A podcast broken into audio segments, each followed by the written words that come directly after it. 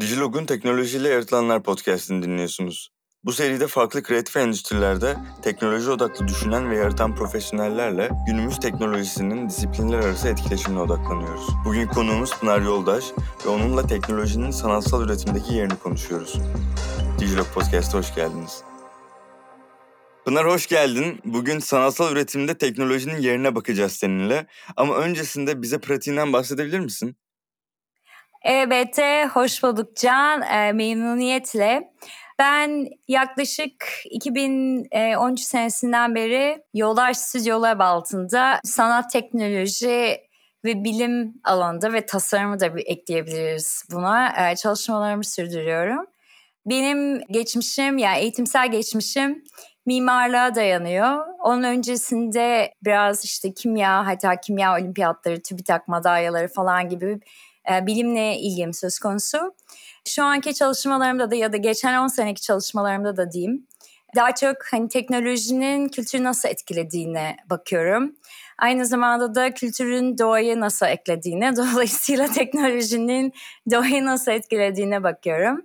Bilim ve teknolojiyi çok seviyorum ve sürekli kullandığım yani başvurduğum kaynaklar ama işlerimin çoğunda örneğin işte bir aşırılık ekosistemi işim 2013 dememin sebebi o çünkü o işten sonra gerçek anlamda e, sanat ve tasarım yapmaya başladım denebilir.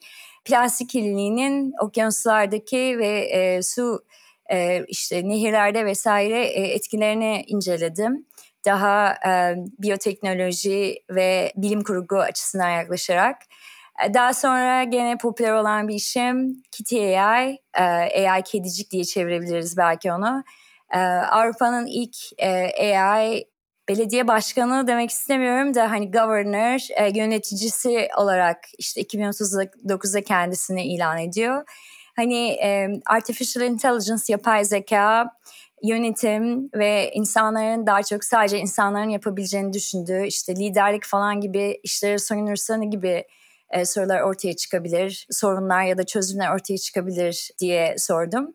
Yani işlerim genelde e, şu an yaygın olan ya da çok önümüzdeki yakın zamanda yaygın olacağını düşündüğüm teknoloji ve bilim e, konularına bakıp bunlarla ilgili e, nasıl diyeyim kültürel araştırmalar ya da kültürel eleştiri e, üzerinden çıkıyor. Harika aslında sen işini biraz gözetlerken direkt teknolojiyle yaratım süreçlerinden de konuşmaya başlamış olduk. Evet. Sanatsal pratikler için teknolojiyle yaratım sence ne ölçüde önemli ve ne ölçüde işin içine dahil oluyor?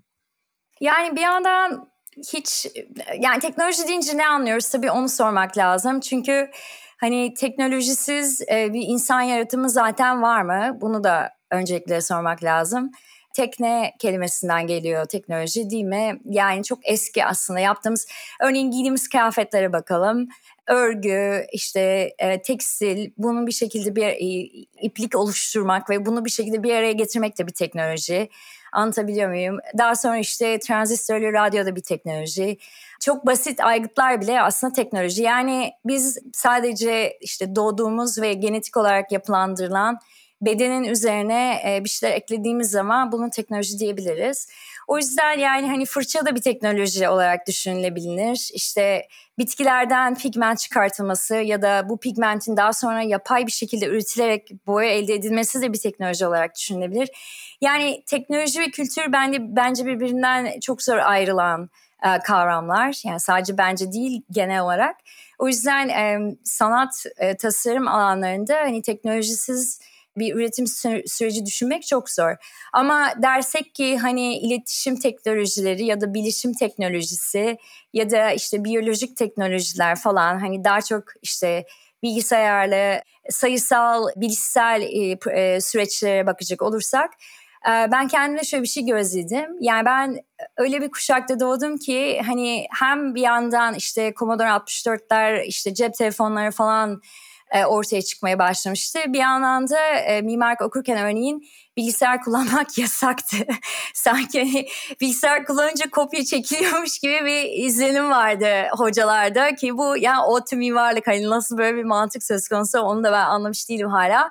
Biz böyle kaçak kaçak Photoshop falan öğreniyorduk. İşte üç boyutlu programlar indirip Maya vesaire hani onlara da e, bakıp o ne kadar harika bir şey bu keşke bunları yapabilsek diye düşünüyorduk.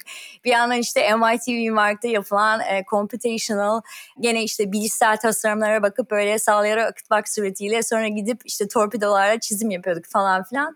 Yani ben böyle teknolojinin bu kadar yoğun kullanılmadığı bir ana da yaşadım diyeyim ilk gençliğimde. Daha sonra da yani gayet teknolojinin içine gömülmüş bir durumda yaşıyorum. E, o yüzden benim kendi pratiğimde zaten hani hem e, araç aygıt olarak hem de e, konu olarak teknolojiden bağımsız bir üretim süreci düşünmem mümkün değil. Ama diyelim ki işte bir ressam ya da işte müzisyen tek bir aygıt çalıyor, flüt atıyorum ya da bir dansçı. Hani bunların teknolojiyle ilişkisi ne olmalı? Herkes işte kod yazmalı mı vesaire. Eğer böyle düşünecek olursak tabii ki yani herkes teknolojiyi çok iyi hakim olmak zorunda değil.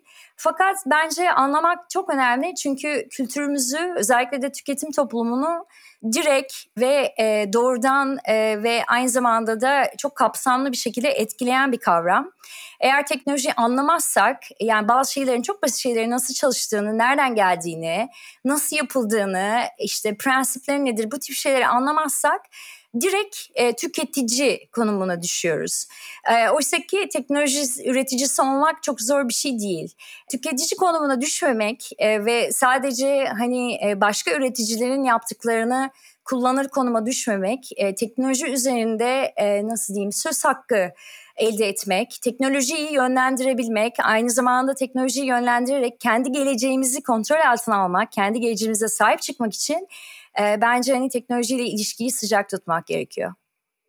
Çok önemli noktalara değindim. Peki teknoloji felsefesi senin için ne ifade ediyor? Çünkü aslında sen bunun hakkında bence konuşmaya başladın deminden beri ama teknoloji felsefesi dediğimizde bundan ne anlıyoruz ve bu iki kelime bir araya gelince bugün ortaya sence nasıl tanımlar çıkıyor?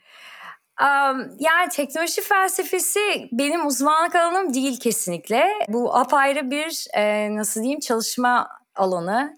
Yani filozofların özellikle çağdaş filozofların üzerinde çok yazıp çizdiği bir alan. Ee, benim de yani her ne kadar işte bir sürü bir şeyler okumuş olmama rağmen işte mimarlıktan kimyaya, nörobilimden atıyorum medya sanatlarına hani teknoloji felsefesini direkt okuduğumu söyleyemem ama en basit şeyler ve hani biraz Anadolu kültürünü de e, nasıl diyeyim e, çakışan e, bir takım şeylere değinelim. Örneğin teknolojinin e, hayatı ve kültürü ve insanlığı ve doğayı nasıl etkilediğine dair ilk felsefi e, yansımalar ya da düşünceler yani eski Yunan ya da şu an işte üzerinde yaşadığımız hani Anadolu topraklarında ortaya çıkıyor. Değil mi? E, bunlardan bir tanesi e, Plato'da Plato'dan gördüğümüz örneğin işte teknolojinin sürekli doğadan öğrendiği ve doğayı taklit ettiğine dair. E, gene çok işte bilinen, konuşulan Demokritus adlı e, filozofa göre örneğin ev yapmak ya da örmek, e, dokumak e, bunlar e, da işte örümcekleri ya da işte ev yapan bir takım kuşları ya da bir takım canlıları gözleyerek oluşan şeyler. Yani böyle bir e, nasıl diyeyim bilginin nasıl oluştuğuna dair düşünecek olursak hani teknolojinin ilk filozofları teknolojinin sürekli doğayı e, taklit ederek ya da insanların sürekli doğayı gözlemleyip bunu taklit ederek hani e, teknoloji ürettiğini söylüyor. Daha sonra e, işte yüzyıllar geçerse hatta bin yıllar geçerse başka tabii bakış açıları da oluşuyor. Mesela Roger Bacon gibi e, bir filozof diyor ki insanların her ne kadar işte doğadan esinlenerek teknoloji üretse de ya da doğal süreçlere bakarak teknoloji üretse de aslında e, doğal süreçlerin üzerine geçen doğal süreçlerden çok farklı sonuçlar doğuran ya da çok farklı prosesler içeren şeyler de üretebiliyorlar. Örneğin işte yapay zeka bunlara bir örnek olabilir e, ya da her türlü teknolojinin e, doğayı taklit sürecinden çıktığını tabii söyleyemeyiz şu an özellikle 21. yüzyılda. Yani teknoloji felsefesi dediğim gibi çok derin bir konu. Ee, benim az önce söylemeye çalıştığım daha çok hani şu noktadaydı. Eğer ki teknolojiyi kendimizden soyutlarsak ve sadece işte Aa, en yeni cep telefonu yani gayet basitleştirerek söylemek istiyorum şimdi. Aa, en yeni cep telefonu bu işte iPhone 11 mi şimdi bilmiyorum 15 mi çıktı. Hani en, en yeni iPhone, iPhone 15 ondan almalıyım çünkü işte çok güzel görünüyor falan ama yani cep telefonunun nasıl, nasıl çalıştığına dair, Wi-Fi'nin ne olduğuna dair, internetin nasıl kurulduğuna, nerelerden geldiğine dair sıfır bilgiye sahipsen ki yani sanırım çoğu kullanıcı bu durumda maalesef. E, bu bu hani e, pozitif bir şey değil çünkü o zaman e, ben peki iPhone 16'yı nasıl yapabilirim gibi bir soru oluşmayacak hiç kafada. Anlatabiliyor muyum? Yani e, ben de kendi pratiğimde özellikle e, işte ODTÜ mimarlıktan çıkıp daha çok böyle C++, kod yazmayı falan öğrendiğim dönemlerde İstanbul Bilgi Üniversitesi daha sonra da İTÜ'de e, bunu çok net gördüm. Hani daha önce çok böyle nasıl diyeyim mistik ve böyle büyü gibi görünen şeyler aslında gayet aa bu böyleymiş ya. Hani aa bu bunu makine bu şekilde yapıyormuş. Aa ben bunu böyle yazarsam bu oluyormuş. Aa işte bak bu devreyi şuraya bağlarsam işte bu ledi yakabiliyorum falan gibi hani insan anlamaya başlıyor ve o da e, daha büyük daha kompleks sistemlere karşı çok güzel bir sezgi geliştiriyor. Yani teknoloji felsefesinin aşamalarından böyle bir sıçrama yaptım. Ama e, hani sanırım e, bu podcast'te vermek istediğim en önemli mesaj bu. Hani korkmamamız gerekiyor teknolojiden. Her ne kadar korkunç ve ko- karman çorman olsa da e, anlamak mümkün ve üretmek de çok mümkün. Peki bu teknolojilerin yanına tekrar sanatı koysak ve bu iki kavram yan yana geldiğinde seni gelecek yıllara dair en çok ne heyecanlandırıyor? Bu heyecan seni heyecanlandıran fikir, olası bir inisiyatif de olabilir. Şimdi yani çok hızlı ve çok e, nasıl diyeyim e, o neredeyse korkutucu şekilde gelişen şeyler var. Örneğin bu sene işte mRNA e, e, ya mRNA e, aşıları çıktı. Hani ki bu aşıları şu an hepimiz oluyoruz çıtır çıtır. Oysa ki yani bu mRNA e, işte vektör denen e, sistem hani e, Covid'den önce böyle çok e, direkt hastalar üzerinde ve bu ölçekte kullanılmayan bir şeydi. Ama hani Covid gibi bir tekken karşısında yani direkt yapacak bir şey yok. E, efektif de çalışıyor ve bunu herkes kullanmaya başladı.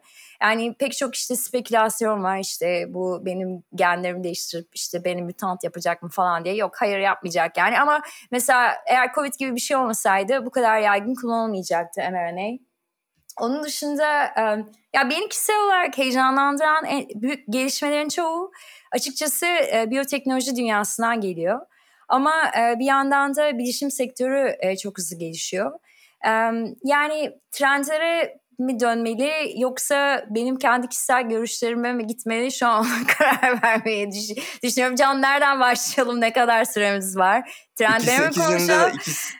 Okey yani şimdi trendler um, bir tanesi şu an Türkiye'de de sanırım çok görülen işte bu non-fungible token denen şey var işte NFT'ler. Bu benim görüşüme göre bir yandan e, hani cryptocurrency'lerin yaygınlaşması için kurulan e, çok iyi bir e, nasıl diyeyim reklam sistemi hani sanatı buna dahil etmek.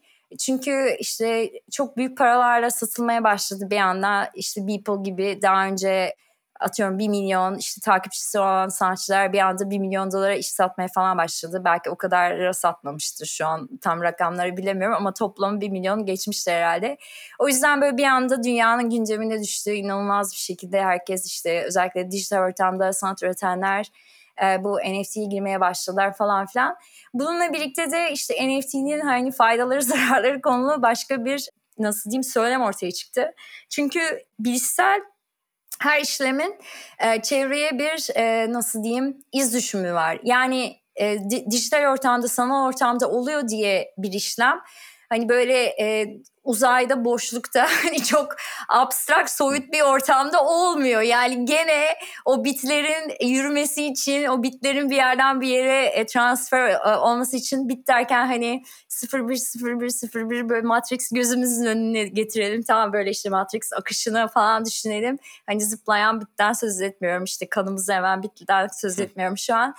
Ee, yani bu, bunların işlemesi için bilgisayar dünyanın hareket etmesi için su kullanılması gerekiyor, enerji kullanılması gerekiyor, su kirletiliyor, toprak kirletiliyor, büyük büyük alanlara kocaman işte nasıl diyeyim fabrika türü e, gayet işte e, kimliksiz binalar yapılması gerekiyor. Yani bunun alt arkasında inanılmaz bir hani çevresel boyut var. Hani bunu konuşmaya başladı insanlar. E, bence trendlerden bir tanesi yeşil teknoloji olacak.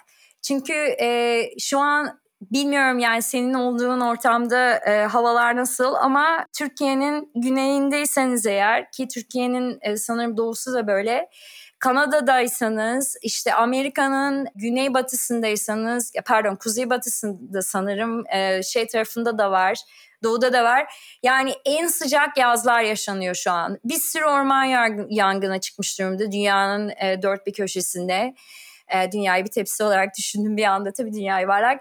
E, yani şu an iklim değişikliğini herkes böyle gayet nasıl diyeyim teninde terleyerek hissediyor.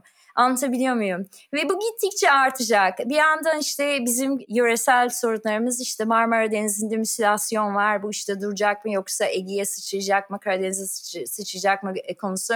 Ama sadece Marmara Denizi değil, yani dünyadaki pek çok okyan, yani okyanus, denizler ve e, su alanları da e, böyle bir e, tehlike içinde. E, eutrophication adını verdiğimiz işte belli bir bakteri ya da alginin oranın ekosistemini ele geçirip işte oksijeni tüketmesi nedeniyle bütün ekosistemin çökmesi. Yani genel olarak ekosistem çökmesi durumu söz konusu. İklim değişikliğinin getirdiği tabii başka e, pek çok sorun olacak. İşte e, hızlı rüzgarlar falan filan. E, şimdi bunlar her her sene yaşanmaya devam edecek kanımca ve artarak biz bunu yaşamaya devam edeceğiz önümüzdeki 10 senede.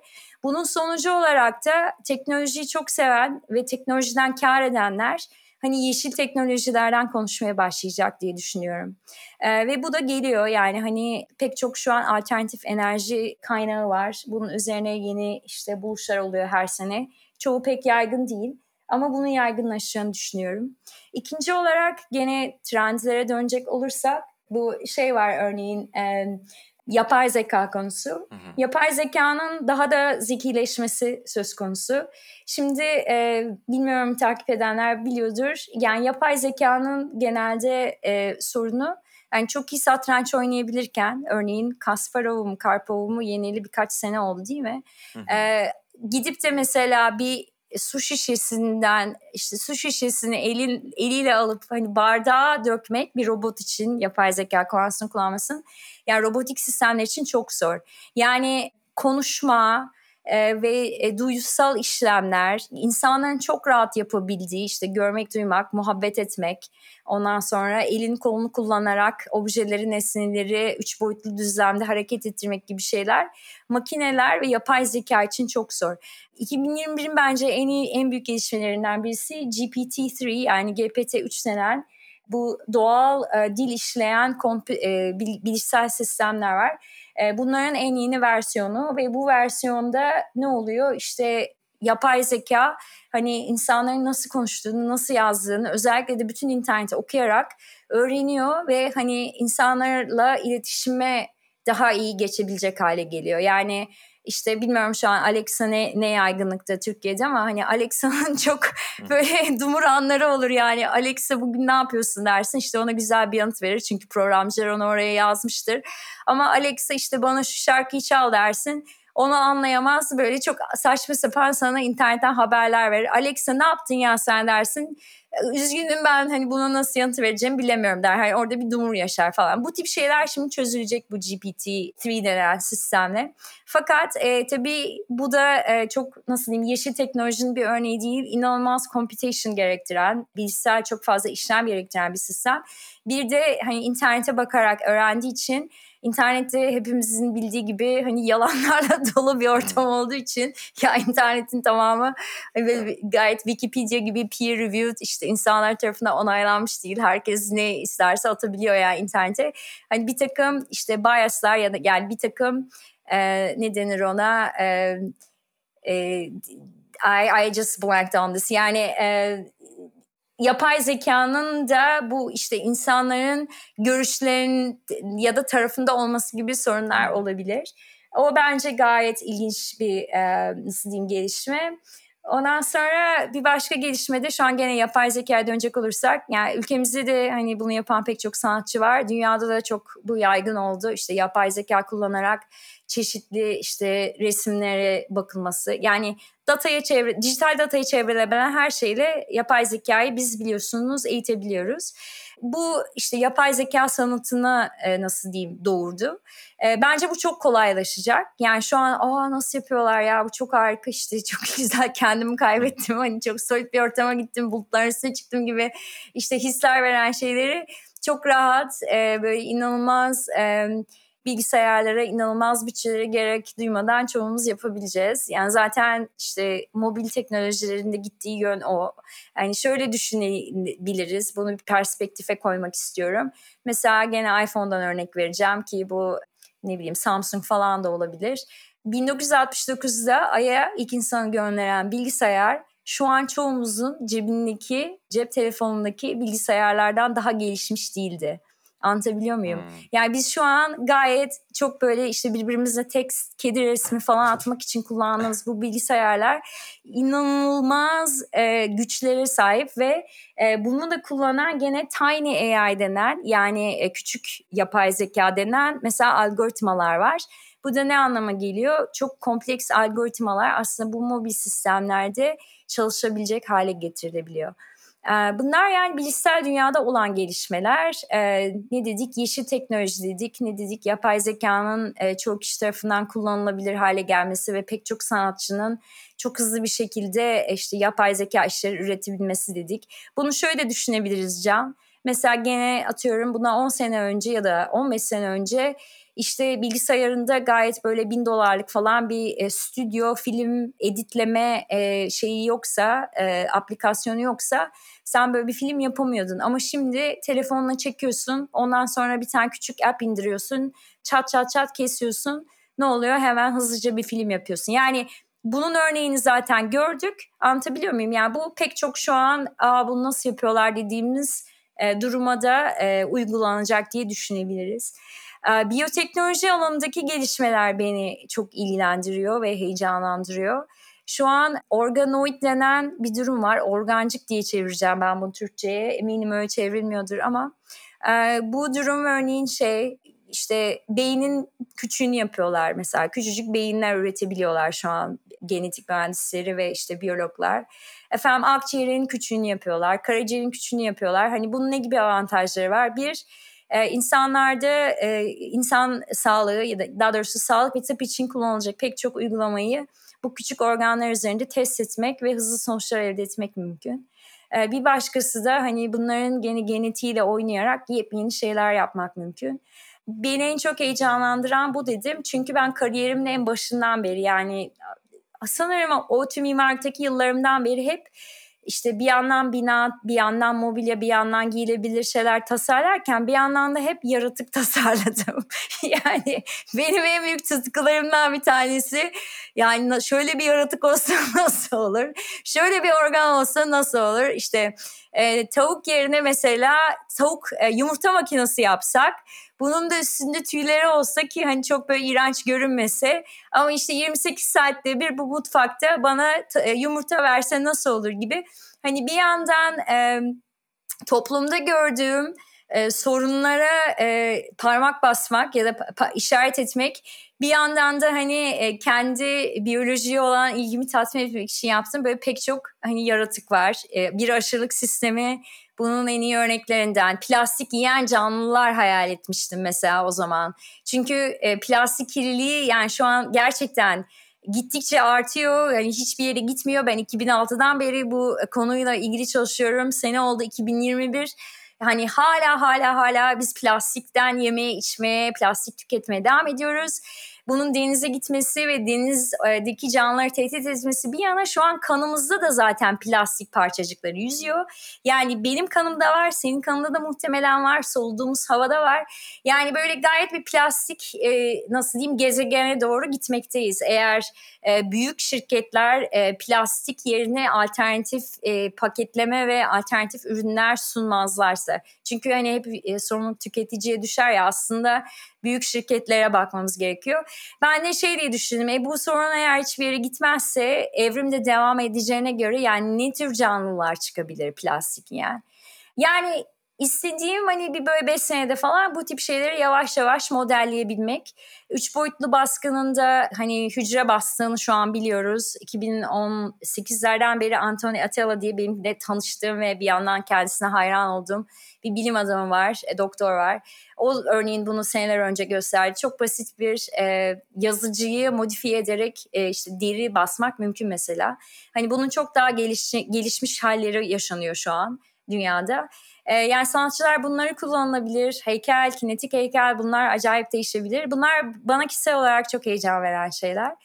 Ama bilmiyorum ben çok konuştum. Sana, bir şu an bir durup senden bir soru alayım istersen varsa yoksa devam edeceğim. Yok çok güzel konu. O kadar güzel anlatıyorsun ki ben hiç bölmek, durdurmak, başka soruya geçmek istemiyorum. Sadece zamanımızın yavaştan sonuna geliyoruz evet. ve aslında senin yine geldiğin konuyu getirdiğin konu üzerinden bir şey sormak isterim. Hı-hı. Çevre konusu. Çünkü Tabii. çevreye karşı ne kadar duyarlı olduğunu ve bu konuda çok fazla çalıştığını da biliyorum. O yüzden birazcık da bununla ilgili yani aslında plastik yiyen canlılardan bahsettin ama hı hı. yine çevre ve gelecek dediğimizde teknolojiyle yaratım ve gelecek dediğimizde hı hı. sen kendin inisiyatif bir proje veya özellikle üzerine daha fazla eğileceğin bir konu var mı veya bu konunun bir bölümü? Ee, tabii yani Can ben neye eğileceğimi şaşırmış durumdayım. Sana öyle söyleyeyim. Sana direkt bir soru soracağım. Ee, kaç yaşındasın şu an Can? Ben 29 yaşındayım. Sen 29 yaşındasın. Şimdi kaç yaşına kadar yaşamayı düşünüyorsun? Nasıl nedir planın bu konuda? bir planım yok ama galiba e, Dünya Sağlık Örgütü'nün verileri şu an 70'li yaşlara kadar bir insanın ortalama hadi, ömrünün hadi ben söylüyor. sana e, 79 yapmayalım hadi 81 diyelim tamam mı? Seni 50 52 sene 52 sene daha yaşatıyorum okey? Ee, tamam mıyız? Mutabık mıyız? Hı hı, tamam. Şimdi Mutabık. senin önündeki bu 52 sene içinde karşılaşacağın o kadar fazla çevre sorunu olacak ki. Ee, birincisi zaten e, küresel ısınma yani iklim değişikliği diye çevriliyor Türkçe climate change. Ama bunu doğru tarif etmemiz gerekirse climate crisis dememiz lazım. iklim krizi. Çünkü e, bu sıcaklıkların artması anlamına geldiği gibi e, soğuğun da daha soğuması anlamına geliyor. Yani iklimin tamamen saçmalaması pek çok canlı türünün, e, pek çok e, bitki ve hayvan türünün ve arada kalan mantar vesaire gibi e, hani bizim e, Linnaeus'tan öğrendiğimiz farklı yaşam birimlerinin yok olması anlamına geliyor. Ama bunun insanlar ve insanların kurduğu kentler ve kent yapıları üzerinde de inanılmaz bir etkisi olacak. Mesela bunu yaşadık Covid'de. Apartmanı ve birbirine çok yakın yaşayan, e, çok sık kent dokuları olan yerlerde mesela Covid çok hızlı yayıldı değil mi? İşte İtalya'nın bazı kentleri, efendim e, New York bir anda böyle binlerce, on binlerce kişi ölürken Kaliforniya evlerin seyrek seyrek olduğu bir yerde Covid o kadar hızlı yayılmadı vesaire. Şimdi bu iklim değişikliği nedeniyle zaten e, biz bayağı bir afallayacağız. Anlatabiliyor muyum? Yani alışa geldiğimiz şeylerin çoğu değişmeye başlayacak. Bir ikinci gelen e, trend demeyeyim artık buna e, kuraklık. E, bu da gerçekten e, hani eğer Avrupa Birliği'nin yazdığı raporlara bakarsak WAD diye bir web sitesi var. Oraya gidip mesela Türkiye diye tıklarsak hani görüyoruz Türkiye'nin ne kadar kuruyacağını. Kuraklık nedeniyle göçler, iklim değişikliği nedeniyle göçler. Gene 50 sene bu önündeki 50 sene içinde senin yaşayacağın, gözleyeceğin şeyler olacak. Bir başkası e, gene bunu e, bununla alakalı olarak okyanusların ve denizlerin e, birer birer ölmesi ve ekosistemlerinin çökmesi. Şimdi Marmara Denizi'ndeki durumu özel bir durum olarak düşünebiliriz. Ben o konu üzerine birebir inceleme yapmadım. İnşallah önümüzdeki aylarda yapacağım. Ama gereken önlemler alınmazsa önlemler alınmadığı gibi üzerine de işte e, hükümetin planladığı bir takım yapı birimleri eğer e, devam ederse zaten Marmara Denizi diye bir şey olmayacak. Ama Karadeniz'e dönelim. Karadeniz'in de mesela tabanında şu an oksijen sıfır. Ege Denizi'ne dönelim. Ege Denizi hepimizin çok sevdiği tatil için gayet böyle güzel işte bize selfie veren background'da masmavi görünen e, çok en güzel bir e, ve hani nasıl diyeyim toplumsal tarih açısından da çok önemli denizlerden birisi. Aynı şekilde burada da balık türlerinin hızlı şekilde yok olduğunu görüyoruz. Kabuklu canlıların hızlı şekilde yok olduğunu görüyoruz. Yani bu global ısınma, işte iklim krizi, işte kuraklık, insan nüfusunun artışı gibi bu tip çevresel sorunlar şu ana kadar etkisini hissetmeyen kitlelere de etkisini daha fazla hissettirmeye başlatacak. Anlatabiliyor muyum? Ve sen önümüzdeki 52 sene boyunca kendi çevrenin, kendi yaşamında nasıl e, fakirleştiğini göreceksin. Şimdi böyle felaket habercisi gibi oldum. ya bir an kendimi dur, durdurmak istiyorum. Ama tabii bunu durdurmak da mümkün. Bunu nasıl yapacağız? İşte sanatla yapacağız. Niye sanatla yapacağız? Çünkü kültürü en doğrudan ve en etkili biçimde biçimlendiren tek şey ve bağımsız olarak biçimlendiren tek şey sanat. Ha reklam da bunu biçimlendiriyor ama reklam şirketlerden destek alarak biçimlendiriyor. Anlatabiliyor muyum?